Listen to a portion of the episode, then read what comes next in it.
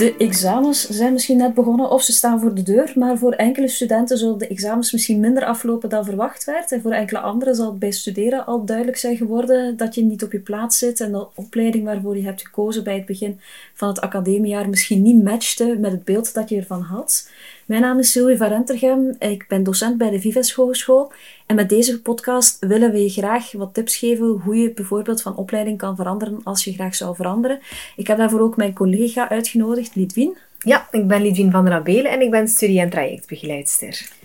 Um, studenten weten wel vaak wat een student, uh, studie- en trajectbegeleider doet. Uh, maar de vraag die we dan hier hebben van moet je wachten tot in september om aan een nieuwe opleiding te beginnen of kan je in februari al overschakelen? Ja, goede vraag en ik zal daar meteen ook op antwoorden. Je kan zeker al in februari overstappen. Hè? Dus als je beslist dat, uh, of als je beseft dat de opleiding die je nu volgt eigenlijk niks voor jou is, dan hoef je zeker niet te wachten tot september. Je kan in februari in bijna alle opleidingen wel instappen, maar besef wel dat het dan wel vaak betekent dat je een jaar of een half jaar later zal afstuderen dan studenten die in september zijn gestart. Omdat je net een aantal vakken hebt gemist van het eerste semester. Ja, absoluut. Hè, omdat je vakken van het eerste semester hebt gemist. Of soms ook al jaarvakken natuurlijk, waar wel al een examenkans van geweest is. Ja, maar die haal je dan in in je volgende jaar in september dan? Ja, die haal je in. Of kan je eventueel, als je dat heel graag zou willen, bijvoorbeeld ook door zelfstudie inhalen.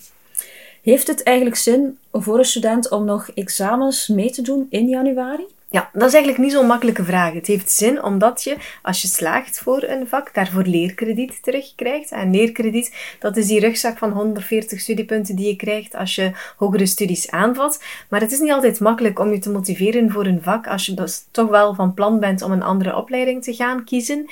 Besef wel dat als er een vak is dat je een vrijstelling kan opleveren in je nieuwe opleiding, dat het dan wel zeker nuttig is om toch dat examen af te leggen en er dan uiteraard voor te slagen.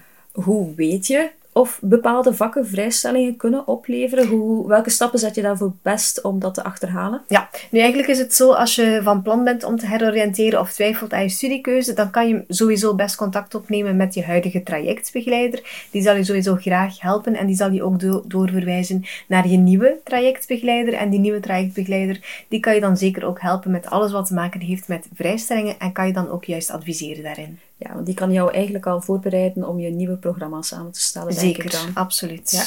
Om nog eventjes terug te keren op dat uh, leerkrediet. Als je als student vragen krijgt van je ouders, wat dat allemaal betekent financieel, wat, wat kan je daarover zeggen? Of welke stappen of welke procedure moet je daarbij respecteren? Ja, belangrijk is als je generatiestudent bent, dat betekent dat je pas dit jaar voor het eerst hogere studies uh, bent gestart, dan kan je nog de helft van je leerkrediet terugkrijgen voor de vakken waarvoor je nog geen examen hebt afgelegd als je heroriënteert voor 15 maart.